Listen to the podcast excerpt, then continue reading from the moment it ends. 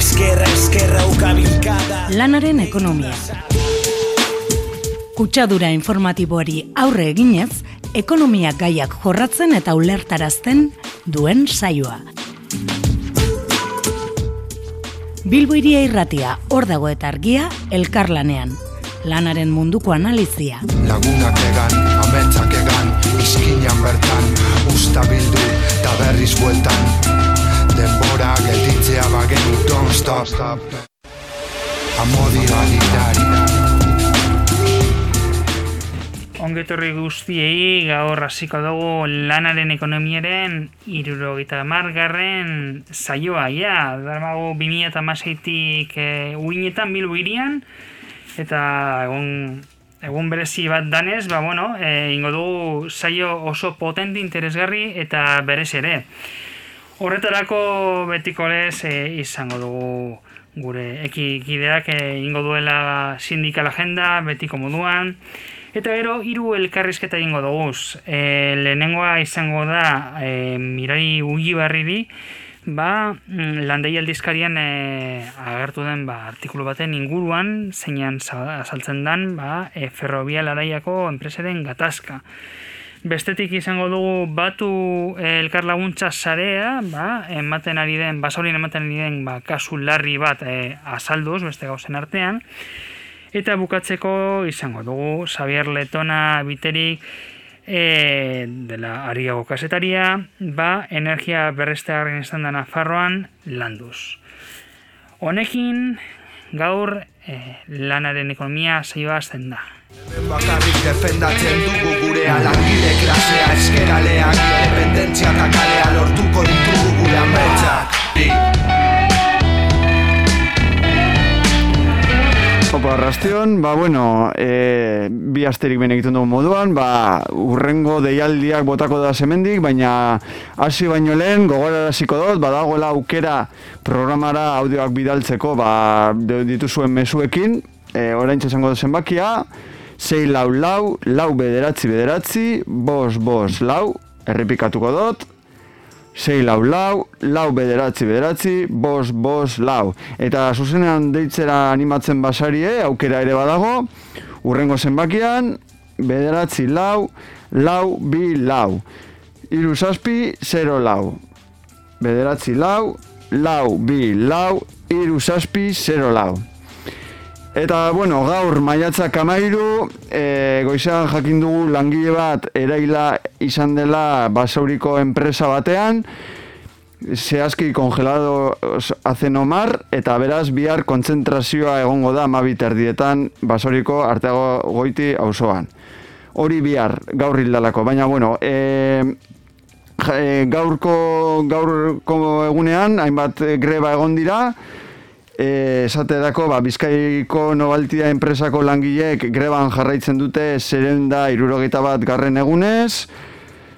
Gero, Laudion eta Murrion Tubazexeko langileak greba mugagabean jarraitzen dute ere, laurogeita amabi garren egunez ja, iragarriteko enda berroita markaleretzen aurka. Gero, Bilboko hijos de, hijas de la cruz ikastetxea esisteko lehen greba eguna izan dute gaur, eta bihar bigarrena izango dute langileek. Ute Bilboko argiak ere greban dabiltza maiatzaren lautik hogeita bostera, martxoan kaleratutako lankida berriro hartzeko, langileentzat etorkizuneko enplegu bermea lortzeko eta enpresa hitzarmen duin bat sinatzeko. E, gaur ere izan da Santurtziko San Juan de Dios Hospitaleko lang, e, langileen e, greba, astelenetik ostirela egiten ari direna, hitzarmen kolektiboaren negoziazioaren alde. Gero Donostian H eta M esparkatu, e, eaen H eta M lanko langileek alaugarren eguna egunez daramate greba mugagabean, iragarritako berrogeita masei kaleratzen aurka. Eta Defonten Iberika enpresako langileek, otzaiaren amaseian, hasitako grebarekin jarraitzen dute ere, kontsulta aldia akordio barik itxi ostean. Beraz, ikusten dugu, greba asko ari direla mugitzen azken aldian. Horretaz aparte, Durangoko Rotenberger enpresan kontzentrazioak egiten ari dira, ordu bat aterditatik ordu biterdita dela, astelenean eta astezkenean, iak amazazpi eta emeretzi, urrengo astean, greba agunak izango dituzte, itxarmen duin baten alde. Eta osakidetzako garbitzaileak bizkaiko zenbat ambulategin aurrean mobilizatu dira lan baldintza duinen alde gaur. Bihar maiatzak amalau, Aset etxe bizitza sindikatuak Bilboko udalak burututa, burutuko duen etxe kaleratze bat e, iragarri du bihar eta geratzeko e, hori kaleratze hori geratzeko deia lusatu du sortziterrietan kortez kalean hor izango dalako e, etxe kaleratze hori. Gero Donostian Maria Immaculada ikastetxaren itxiera salatzeko langilek protestak zeren asteazken eta ostiraletan egiten ari dira eta amaiketan. Ondoren, e, Nafarroan aldi baterako langile publikoen batzarrak greba aguna ditu du NUP eta eskuntzan, enplegu finkoaren alde, eta bestalde, Bizkaia Mercedeseko langile kontzentrese egingo dute tubazeksekoekin elkartasuna adierazteko. Amabiak laurden gitzetatik, amabiak eta laurdenetara izango da, lasarenaz eta zurrupitieta kalen arteko biribilgunean. e, jarraitzeko sindikala jendarekin, zapatuan maiatzak amabost, arostegiaren proiektuaren kontrako martxa ditu du arostak herri ekimenak, bosterritan, elizendoko plazatik hasita. Ta Nafarroan beti ere, Iruñean osasun etxeak zaintzeko manifestazioa deitu dute bosterrietan baluarte plazatik hasita. Urrengo astean astelenean, maiatzak amazazpi, birziklapenaren eguna izango da, eta hori dela eta elkarretaratzea deitu du deitu dute errostagiaren aurkako mugimenduak eta donostia bizirik plataformak amarretatik ordu batetara donostiako udaletxeko sarrera ondoan. Eta Nafarroara bultatuz, Iruñeko udalean etxesetxeko harreta zerbitzua eskaintzen duten langilek laugarren greba eguna izango dute zerbitzuaren privatizazio, privatizazio eskutuaren aurka. Bukatzeko, aste azkenean, maiatzak emeretzi, greba egingo dute Arabako erresidentzatako langileek. Hori dela eta gizakate bat burutuko dute amaiketatik amabietara, eguer arte, gazteizko udaletxetik foru aldun dira.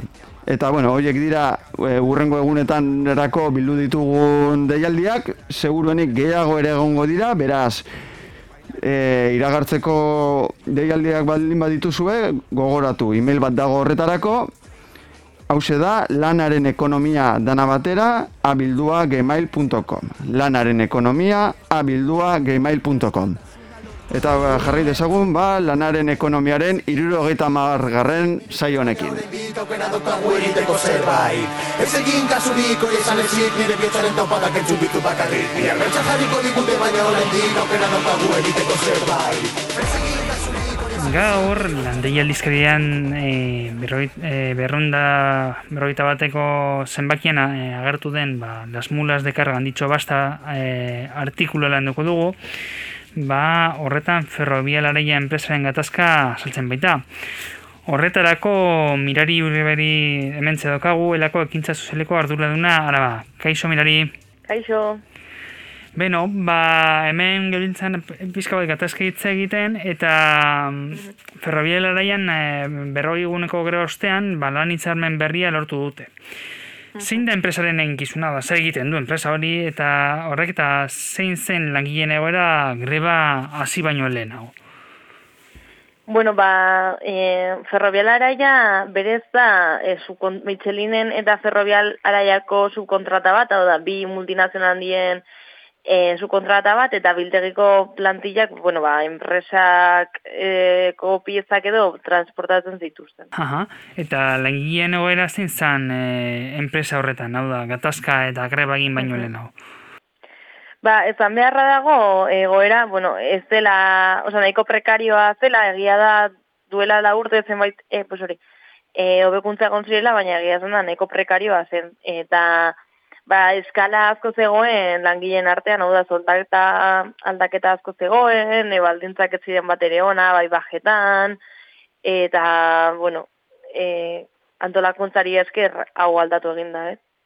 Bai, orduan agian, ba, nire bura pura kokatzeko, horre zuden agian, e, nahiz eta lantoki berean e, langilek egon, enpresa ezberdinakoa izateak e, ekartzen zuen, ba, soldata bat edo baldintza bat izatea, ez Klar, hori da, azkenean, e, bueno, esaten dugunean soldata eskala badagoela da, e, pues, lantegi berdinean, enpresa ezberdinetako edo etetetako pertsonak daudela, eta pertsona ez berdinak lan berdina egiteagatik desberdin kobratzen dutela.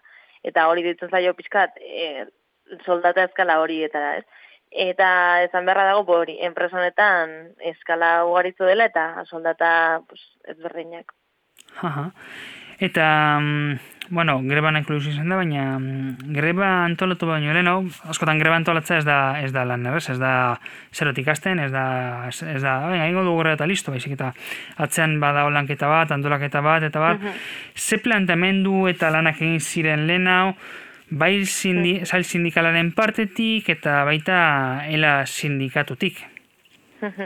ba, bueno, e, Aziera batean, e, talde sindikalarekin hau delegatuekin planteatu duten plantilla bat egitea proposamen ezberreinekin, gero asamblada ezberreinen bitartez langilei ere erakutsi zieten, eta pues bueno, azkenean langilea gaien artean antolatzen hasi ziren plantillaren arabera, eta aurreko zen ere e, asamblada hauetan erronka zela makala, eta hortaz e, greba luzea izan behar zela, eta pues eh pizkat antolakuntza izan zen, e, bai oso garrantzitsua izan zen ere afiliazioa eta asambladak eta, osea, asambladak eta antolakuntza egiteko gogoa, ez? Ikusten baitzen eh langileok ere pues, oso gogotuzo delako gauzak aldatzeko eta plataforman zeuden pues gauzekin eta haien lan baldintzekin hobetzeko, ez? Apurrat ba, e, langile zuel batek bere buruak okatzeko. E, zenbat asambladain ziren greba e, egita doztu baino lehen hau edo, hau da, zenbat denbora pasatu zen ba, pura mugimendu hasi zanean ba, baizai sindikalean eta lehen artean, eta gero ja pauso emon zen artean. Izan zen zer automatikoa edo behar izan zen lanketa bat eta, eta eta de, denbora ematea langiekin ba, purot, ba, oso den erasoak kudeatzeko. e, ke ba, olako orokorrean, olako greba prozesuetan eta olako lanketa bat egoteko e, behar dira urtean, batetik plantilla eta delegatuekin ere hitz egiteko, ezan beharra dago ere e, duela la urte, e, zenbait bekuntza egon zirela, hortaz ere, bazegoela nola baiteko lanketa bat, baina e, greba honek hilabeteak zera ja pixat negoziaketan, azkenan ikusten zen ere negoziaketa kolektiboek, e, pues, nola, enpresak ez duela e, zer egin nahi, eta horregatik josen grebara, orduan izan zen hilabete askotako prozesu bat. Eta... Ezin ba... dizut esan zehazkiten hmm. bat ziren, porque kao nien ez justu hartura duen enpresaren ardura, eta ezin dizut esan iraian hasi ziren, edo eta bustuan, edo ustaian, baina ia bete askotako e, prozesu bat izan zen.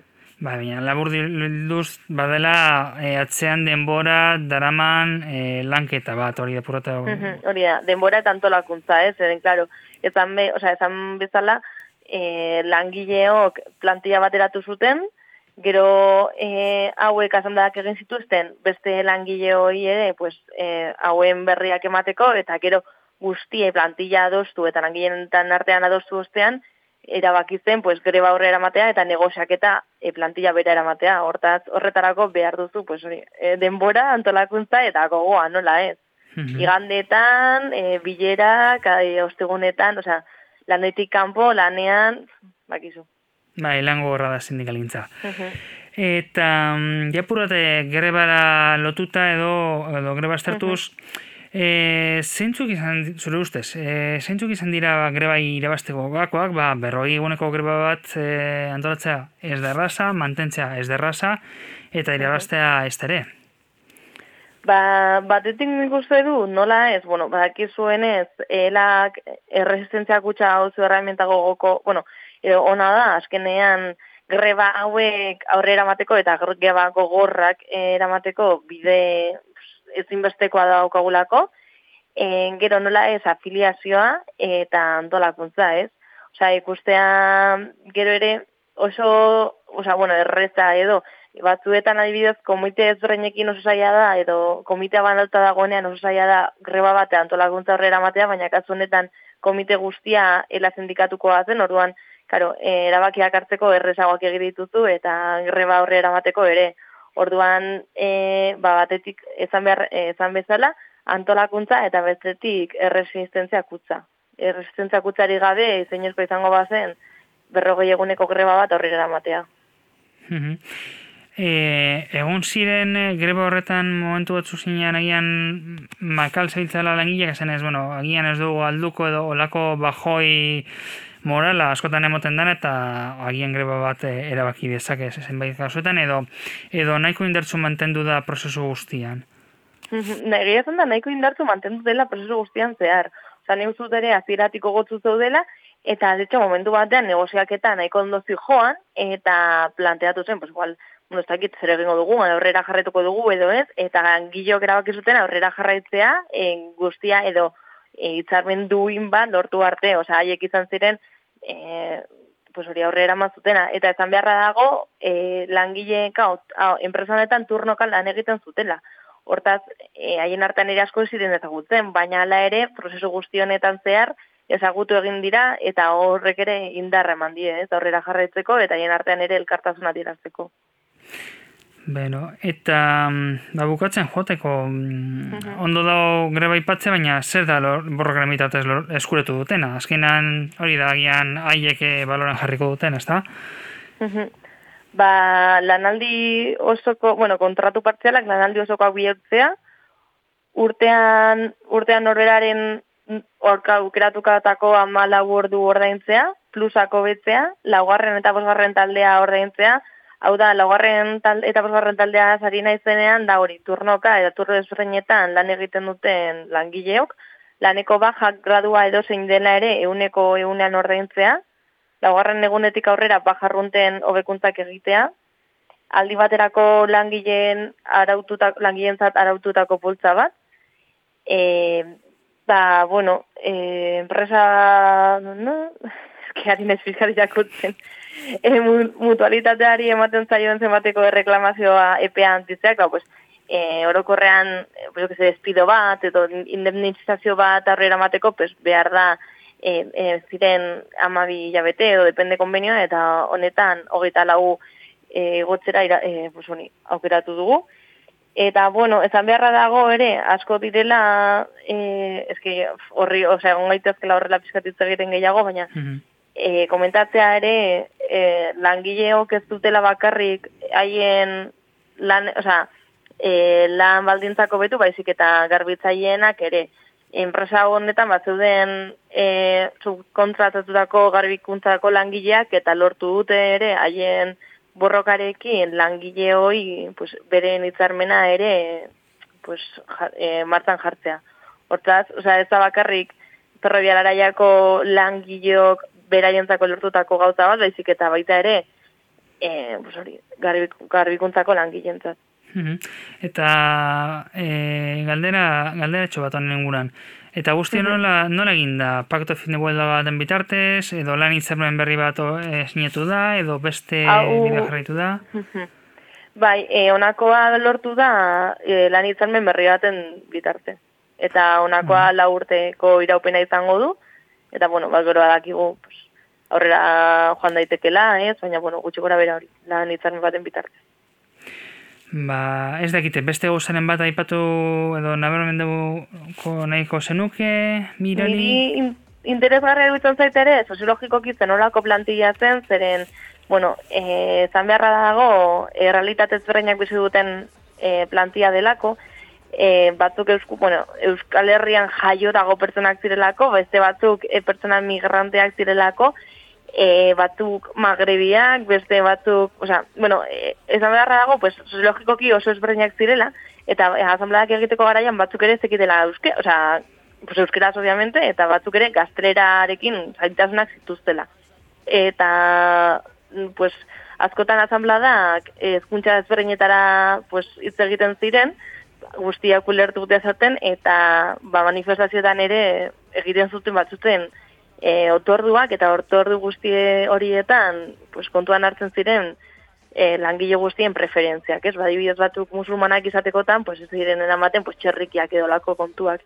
Eta niri behintzat oso interesgarria iruditzen zait, e, anistazun guzti honekin batera, ba, e, zan beharra dute, pues, e, langileok haien artean harreman ere ez dutela, hasiera batean ez ezagutzen ere.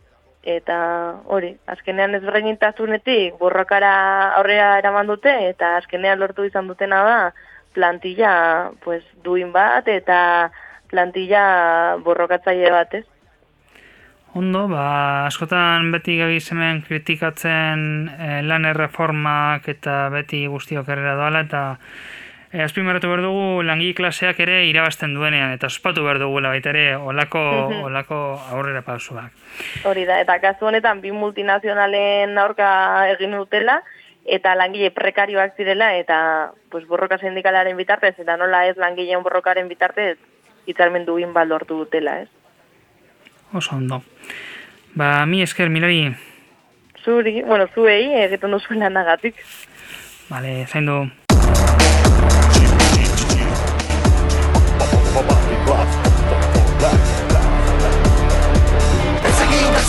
zain du. Bueno, ikusi dugu nola lagin klasek ere, lagin klasek ere irabazten duela, irabazten dugula, bai? E, ba, han e, e, ferrobiela eman den gatazkan. Horein beste, beste kasu bat ekarriko dugu, e, ba, batu elkar laguntza sareak ba, bueno, mugitzen ari den kasua eta horretarako izango dugu hementxe guregaz Peio Molinuevo. Kaixo Peio? Kaixo da Rastion. Bai, Peio, a ber, a ber, hasi dozue zaretik e, kanpaina berri bat, ez da? E, kaleratze gutxiago eta rolda gehiago leloarekin. Azteko gustatuko litzeguke, ja batu elkarraguntza zarea lehenago aipatu dugu e, irratzaian, baina gustatuko litzeguke e, lerro pare batean jakitea zer den batu elkarlaguntza zaria, eta gero lotzea e, zeratik, el, zeratik duzuten ba, kampaina hori. Bai, ba, batu elkarlaguntza zarea da e, herri mugimenduaren bueno, e, espresio bat, e, sortu goguna indala urte bete e, laster, egin gogu urte bete, e, eta guribeko eskualdean, eta, bueno, gure helburuak direz, ba, ikusita ba, kapitalismoa krisian dauela eta hori pairatzen dugunok ba, langile klasea garela, ba, behar dugu zela autodefentsarako mekanismoak eta defendatu behar dugu zela gure bizitzak, eta horretan datza batu, batu zarea, ezta? Em, alde batetik etxe bizitza eta bestetik elikadura borrokatzen dugu, hauen defentsan. Guk uste dugu direzelako, ba, ezinbestekoak direzen bi eskubide eta eta kapitalismoak e, behin da berriro e, ukatzen edo bai, ukatzen dozkusanak. Mhm. Eta hori, kanpaina bat abia arazki duzue, eta horre aipatzen duzue Fernandon. E, nor da Fernando?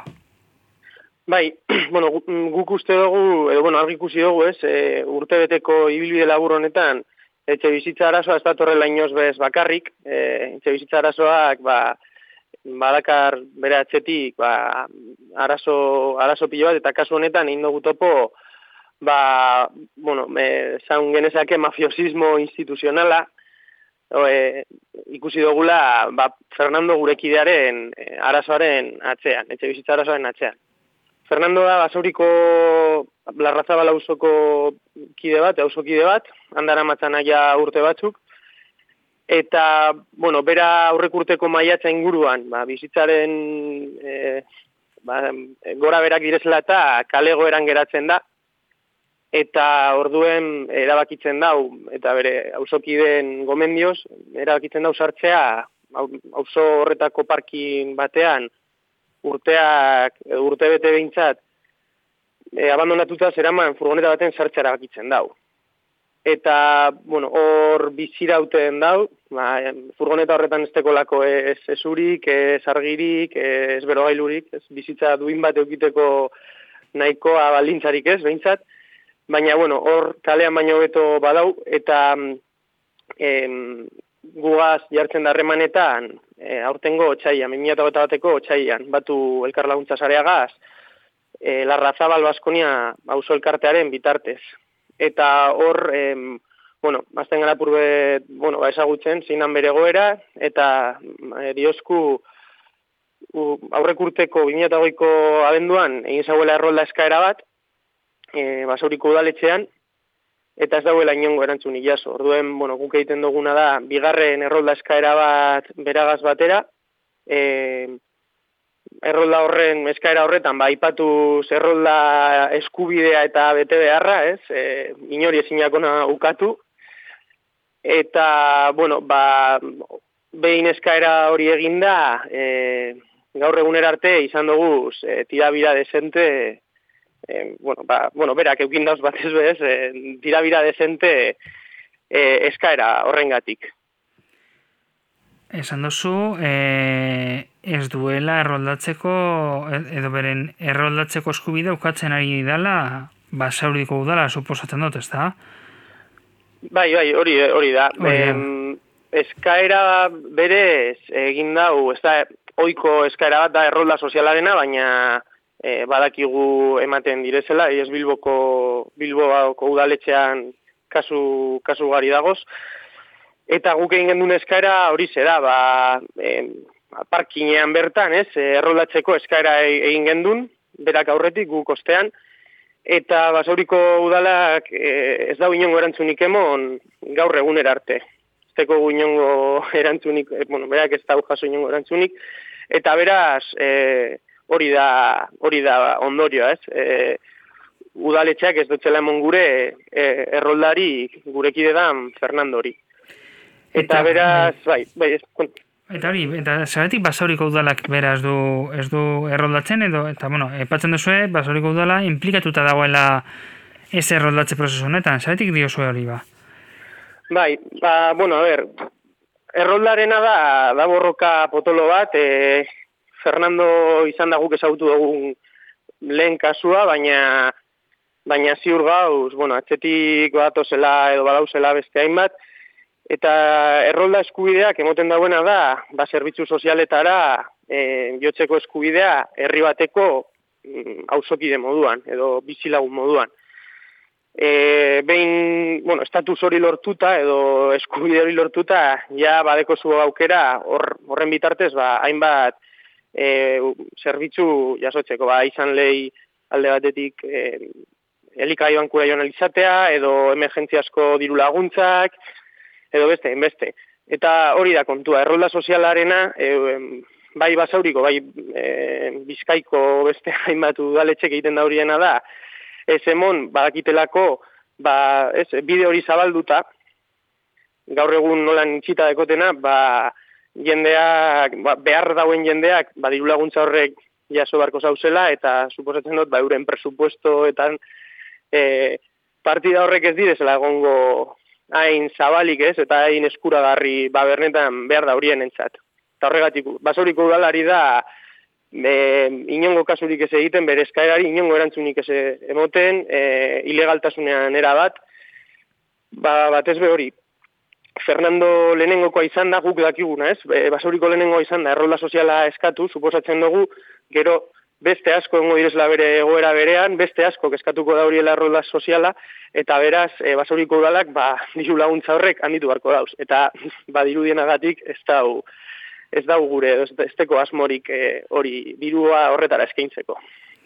Eta horretik, nik lotzen dut, e, kaleratu, bueno, kalean da, baina e, furgoneta horretatik kaleratu nahi dute eta ez erroldatuz.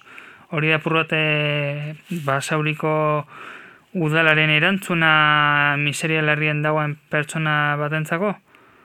Bai, hori da txamponaren beste aldea, ez? O, ikusten gabi, bueno, ikusi duguna batik, eh, Fernando Behin eskaera hori eginda, eh, ja azten direz, balenengo trapitxeo instituzionalak, ez, eta azten direz, eh, e, municipalak udaltzengoa joaten bere furgonetara, eta, bueno, apurbe santaia eginez esan ez, eh, izu, Fernando, segatik ezoaz eh, Bilbora, han errotatuko zaitugu, eta furgonetara eroango dugu, eta bai, egin dugu berbango udaletxekaz, udaletxekoekaz.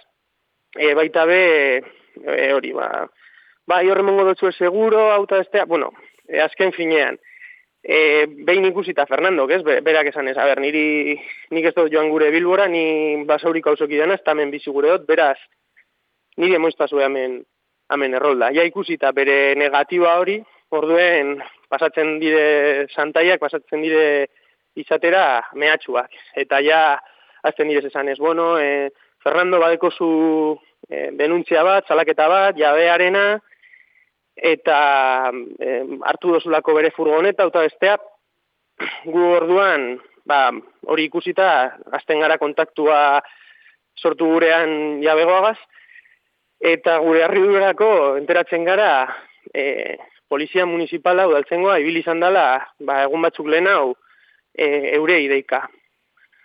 Guk ulertzen dugunagatik eta bueno, hori guk uste dugu holan bideratu da horiela, presionatzeko jabegoa, esateko haizu ebitu amendeko zuen marroi hau, eta denuntzia esazue. Eta azkenean helduiako salaketa. E, epaiketa bat deko laster, eta eta epaiketa horretan, ba, litekena da, Fernando, kalean, esan duzu moduan, kalean badau, baina e, kalera joango da, kale gorrira, hau da, ba, ez dakite, zubi baten aspira, edo batek dakit, horregatik diogu, basauriko udala ibili dala hor presionatzen e, jabegoa, Fernandori bere errolda eskubidea ez, ez emotearen, ez eskaintzearen. Ba, nahiko gorra. E, honen aurrean, zein da hori, basauriko Baskonia larrazalgo elkarteak eta batuk elkar laguntza zareak jokatu duen papera. Hada, zuek, zer, e, bueno, berek zer, es, zer eskatzen da, bueno, gutxi gure argi da, baina zuek zer eskatzen ari da zuek asunetan? Gu, gure eguna da, lehen, lehen bai lehen, errolda, berez errolda eskuidea bete araztea, eta orduen, baia ingo enduzan, tramiteak, beharrezko tramiteak, ba, Fernando dagokion diru laguntza jasoteko. E, bitartean, mm, ba, basauriko udalak sortzea nola baiteko e, lasaitasun egoera bat edo bake egoera bat, be, Fernando, ba, bere diru laguntza hori jasoa bitartean, angeratu alizateko, edo behintzat horrez padageratuko beste alternatiba hobe bat emon alizateko basaurin bertan, eta eta horrek direz gure exigentziak. Gero, ai, astu eta komentatzea, baina e, basaduriko udaltzengoak be, zabaldu dau ikerketa bat. Por apropiazion indebida, e, Fernandori. Eta, bueno, hor argi geratzen da bai, zelan, eurak badabizan, ez, presio hori egiten. Eta hori baita be, exigitzen duguna da, hori, bere errolda eskubidea bete araztea, e, eta presio eta mehatxu danak bertan bera geratzea, bere goera, obera joan arte.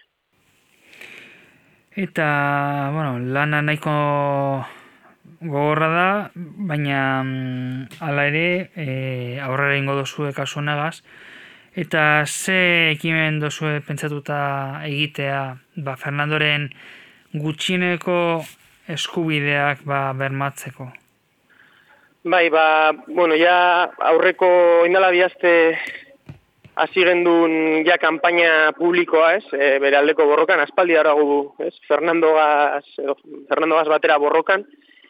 E, bai errolda eskubidea eskatuz, e, ba papeleo danak, e, baita be gure gure laguntasuna eskainiz eta eta gure gure maitasun osoa eskainiz Fernandori, baina ja erabaki gendun publiko egitea oindala bihazte, egin gendun kontzentrazio bat basauriko udaletxaen aurrean, eta, bueno, e, orain arte, ukin izan dugu asamblea ireki bat larra zabala bertan, ba, hor, azalduz Fernandoren egoera zein zan, eta dekoguz beste bi asamblea da ireki, e, oingo barikuan eta urrengokoan, oingoa bentako plazan basaurin eta urrengokoa San Miguel auzoan, eta ba, bukatzeko kanpaina honegaz eta e, ja apur bat e, ze pastelari ginda ipinteko e, maiatzaino eta beratzean seiretan manifestazioa hasiko dugu basauriko arizgoitiko plazatik eta hor baia e, eskaera horrek kalera ataraz e, jende askogaz espero dugu eta eta bueno bide honetik buka esan borroka honek Beno, ba, datak apuntako dugu eta ziurrenik e, ekik bere sindikal agendan oso argi eta adieraziko dituela data horiek. Ba, mm, gure partetik, ne, uste nahiko argi geratu dara zein dan kasua eta eta egiten ari zareten lan, ez dakik gure badozu zer gehiago gehitu, zure esku dago. Ez, beste barik, ba, bueno, eskerrik asko hautsa emotearren guri, ba, ikusi dugulako e, lan medio konbentzionalek ez, edo ezagunenek ez dozkuen hautzik emon, eta bueno, horbe ulertzen dugu interes partiduen ez, eta interes partidistak egongo direzela hor tartean, bera alde, alde horretatik mi esker benetan, eta bueno, ba, e, animatzea jende dana, e, maiatzen hogeta beratzean gu ez batera, ba, Fernandoren borrokari e, oi hartzun emoteko. Ondo, ba, mi esker peio. Bai, zuei. Zaindu. Bai, berdin, agur.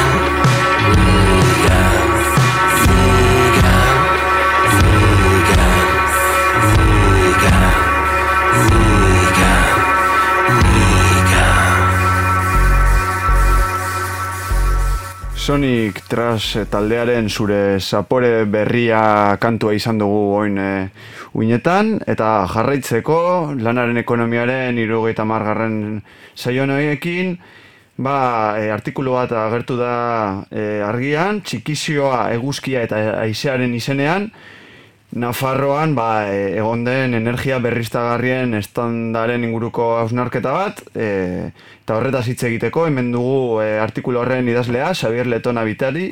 E, kaixo, Xavier? Kaixo, bai.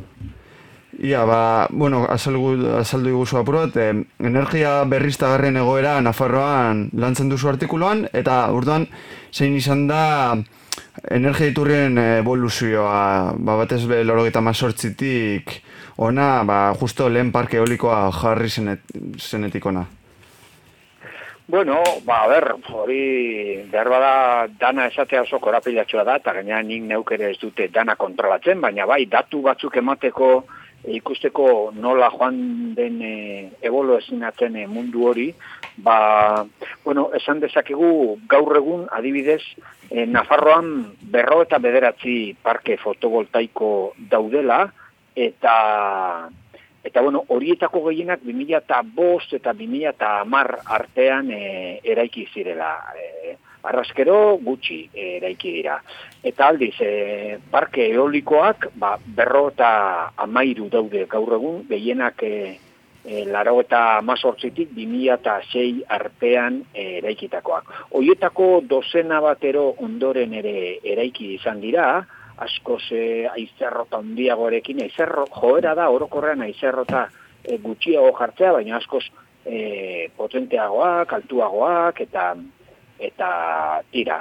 Bueno, hor gaur egun evoluzioa zein dan, pues hori da dagoena, ez, gutxi gora bera, ba, ba, esan dut ja guztira egun bate parkero zerbait geixeago e, daude.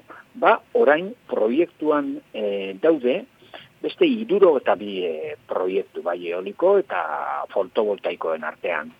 Horiek daude, ba, horiek daude, ba, bueno, ba, zean, ez, tramitazio prozesuan, horrek ez du esan nahi danak egin behar direnik, ez da gutxiago ere batzuk atzera botako dira, beste batzuk aurrera ingo dira, baina, bueno, bai erakusten du zein dan tamaina, e, estanda horren e, tamaina, ez, iruro eta bi proiektu, e, ba, hori, e, tramitazio prozesuan daude. Askoz gauza gehiago esan daiteke, baina, bueno, nik uste dut horrek e, adierazten duela bomaren neurria. Urden, estanda bat egonda eta aztertzen baditugu energia kontsumo eta hauen iturrian afarroan ze, ze ondorio atera dezakegu? Bueno, pentsatzen dut izango dela ba, gainerako gure gizarteetako oso antzerakoak, ez? Ondorio nagusia da, gaur egun kontsumitzen dugun energia guztiaren eguneko laro gehi energia fosiletatik eh, datorrela, batez ere petrolioa eta gaza eta euneko hogei energia elektrikotik datorkigula. Nafarroan energia e, elektriko hori, e, energia berriztagarrietatik dator, eta gutxi gora bera euneko e, hogeia da. Hau da, e, zer ikusten da? Ba, ba bueno, ikusten da, askoz alegin handiagoa egin behar dugula energia elektroikoa sortzen baino, gastatzen dugun euneko larogei hori fosila dena murrizten.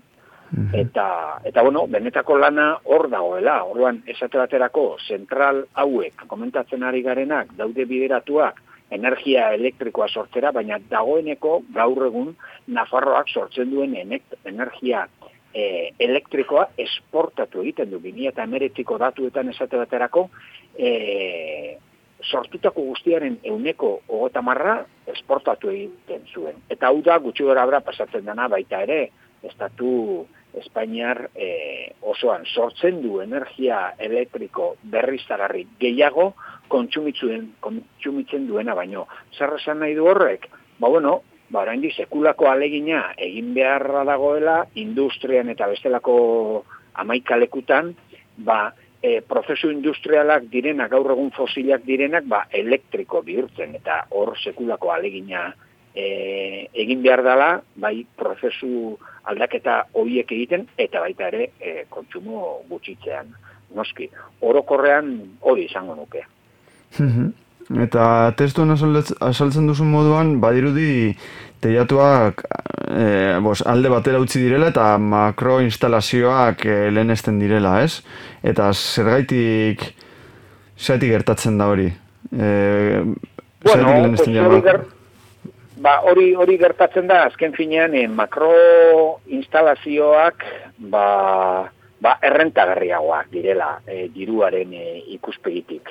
E, hemen nola, saio nahin beste begiratzen, naturguneetan eta sortzen diren e, kalapitei eta, eta ondamendiei, batez ere, e, orain, ba, e, diruak dirua deitzen du, boom bat gertatzen ari da, hor dago, ba, transizio energetiko bat dago, Next Generation, Europako funtsak, instituzio guztiak berriztagarriak sortzera daude orduan, diru mordo bat mugitzen ari da hor. Diruak dirua deitzen du, eta, eta bueno, espekulazioa eta gertatzen da, eta eta batetik e, horregatik bestetik e, erraxena zer da egitea, ba, o, orain arteko ereduak e, mantentzea, eta orain arteko ereduak dira, ba, ba bueno, makro proiektuak, e, bai e, zentral e, nuklear gisa, bai zentral hidroelektriko haundi gisa, edo zentral termiko gisa, e, hau da, dana dira eredu e, zentralizatuak. Eta justo aurkakoa egin beharko da etorkizunean, ere, eredu dezentralizatuetara e, jo beharko da. Eta, eta bueno, pues, e, proiektu txikiak e, sortu, non komunitate energetikoak izango direne garrantzitsuak, eta abar da, abar da, abar. Azken finean hemen ikusten da, hau ez dala bakarrik, e, zera, eraldaketa e, ba, zientifiko bat demagun, ero eramunkortasunari begira, ero hori hori egin behar da, zientzian ikertu behar da, eta abar da, abar. Baina garrantzitsuena aurrera begira da, eredu e, sozioekonomikoaren aldaketa. Eta, eta proiektu handi hauek ez da precisamente hori bultzatzen dutena e, kontrakoa baino.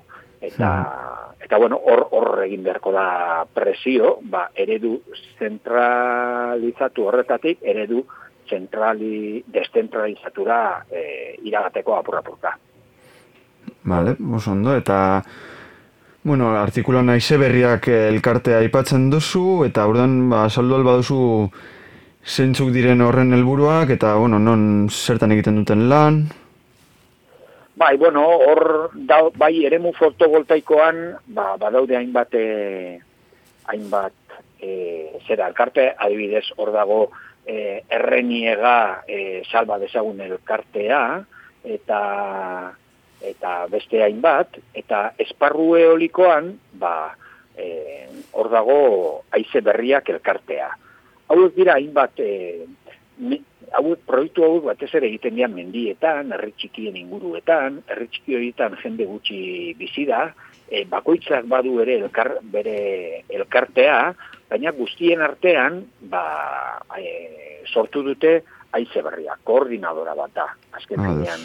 Eta, eta bueno, e, koordinadora hori ba, lanean ari da, e, batez ere, e, konkretuki, Iruñerri inguruan berrogeta amabi, e, bueno, sei parke eoliko eraiki nahi dituzte, e, berrogeta amabi aerosorgailu dituztenak, eta batez ere, e, hoien kontra ari dira hauek biltzen ezagutzera ematera, eta eta bueno, ba, egia da, ba, ba, gero eta gehiago ezagutu eta gero eta gehiago azaldu euren eh, proiektua, ba, ba, herritarrak ere, e, gero eta e, bueno, hobeto ezagutze dituztela proiektu hauek eta eta haien atzean dagoen e, txikizioa. Uh, oso ondo. Ba, eskerrik asko. Zeu zer gehitzeko daukazu, edo... Bueno, Zer- ba, ez dakit, ez, argi dago, ba, gaur egun e, egin behar dela, e, mundu guztiak esaten du, e, aize berriak elkarte hauek, ero e, proiektu hauen kontra ari diren elkarteak ere, haiek ere ez daude berriztagarrien e, kontra. Danok dakigu etorkizunean e, erabiliko dugun energia e, guztia elektrikoa, oi, elektrikoa izango dela eta eta berriztagarritatik etorri beharko duela. Kontua da e, hori ezin dela egin, edo zein e, prezioetan, ez? Eta gaur egun, ba, entidade pribatuak, enpresek, multinazionalek, eta gaur egungo gizartean, azkenengo hamarkadan hartu duten indarrarekin, ba, presio handia egiten diete e, erakundeei, prozesu hori egin dadin ba, modu makroan, haiek alik eta Mhm. e, ba, etekin e, gehien atera dezaten. Orduan, ba, bueno, ba, ba, prozesu horren kontra egin behar dela, alik eta sektore e, guztietatik eta eskatu behar zaie instituzioi jarri daitezela lehen lerroan eta herritarrak, naturguneak eta eta gure etorkizuna babestu dezaten. Eta, eta bueno, hori herrietatik eta herritarretatik bultatu behar da. Vale, beraz, orduan, kontua ez da bakarrik energia berriztagarri gehiago sortzea, ez? Baizik eta zelan sortzen den, zer eduen arabera, eta dezentralizatua izatea, eta eta hori da apur bat, ez? E, Hori da, bai, eredu sozioekonomiko aldaketa handi bat eh, behar da, baita ere e, trantzizio energetikoari e, aurre egiteko, klima aldaketak e, eskatuko duenari aurre egiteko, eta eta Mhm. ezin da, ezin zaio prozesu horri, tra- ezin da trantzizio hori- hori egin, eredu aldaketa e, ematen espada, e, sikiera apur-apurka. oso ondo, ba, eskerrik asko Xavier Letona gurekin egote gaitik, eta, eta, bueno, ba, urrengo arte. Hori da, ba, eskerrik asko zuei eta hori nahi duzuen arte, agur. Oso ondo, eskerrik asko, agur. Zorion txutik Irten da senar zorion txua. Ta auto zorion txuan badoa Dan postu zorion txura.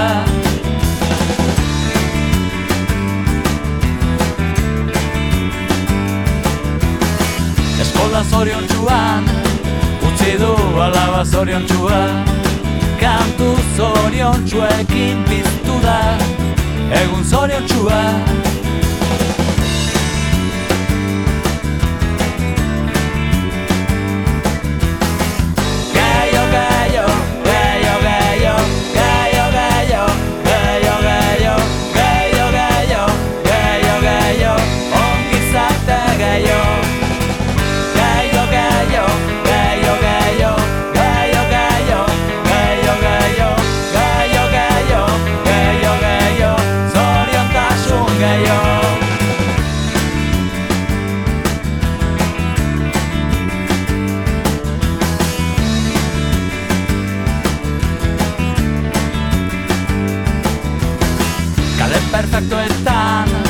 Dabilen jende perfektua. Mundu perfektuaren Aktari perfektua.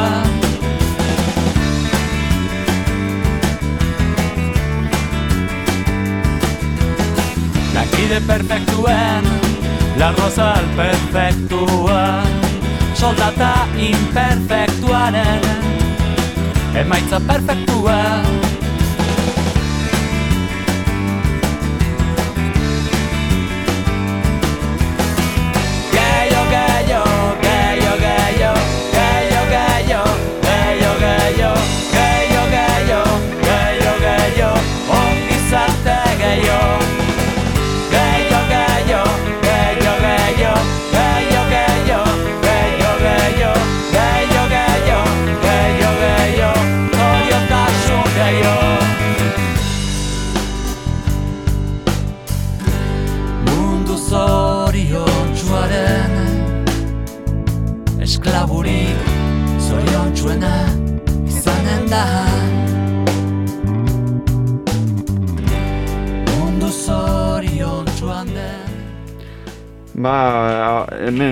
entzuten ebili gara morau goiza mundu zoriontzuan eh, kantua eta honekin bukatuko dugu lanaren ekonomiaren irurogeta margarren saioa da.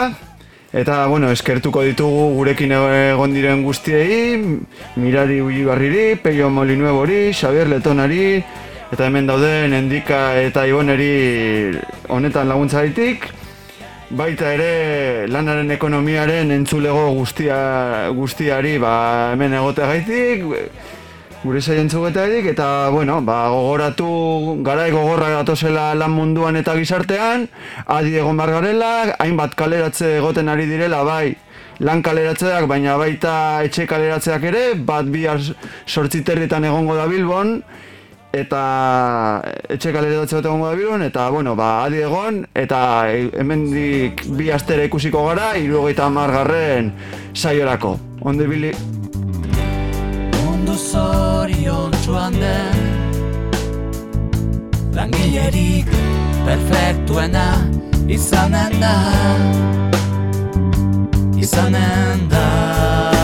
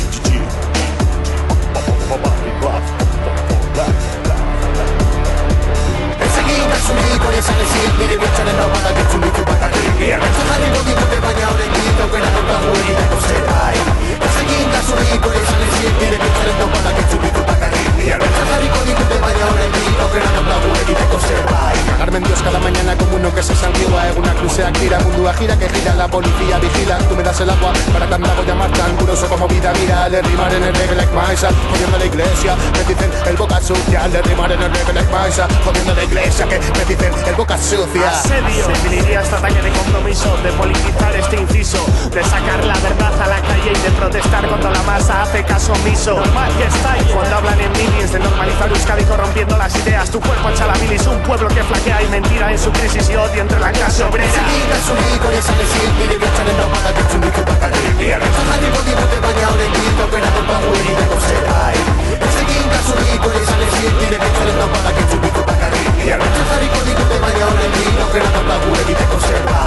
Donde se siente la boca calla cuando el político miente, el odio estalla mirada disidente calle en llamas, llantos llenan canto, drama. Plano se abre blanco, negro, vieja escuela, no hay progreso. Busca el aire con quien quiere bailar un baile al paso que difiere. Diruak agintzen duen munduan, ez egin kasurik sentimenduei. Azira down county, a ver chale abertzalea naiz naiz eta behar duta Euskara ingute bi estatu ilotuta baina behin askatasuna lortuta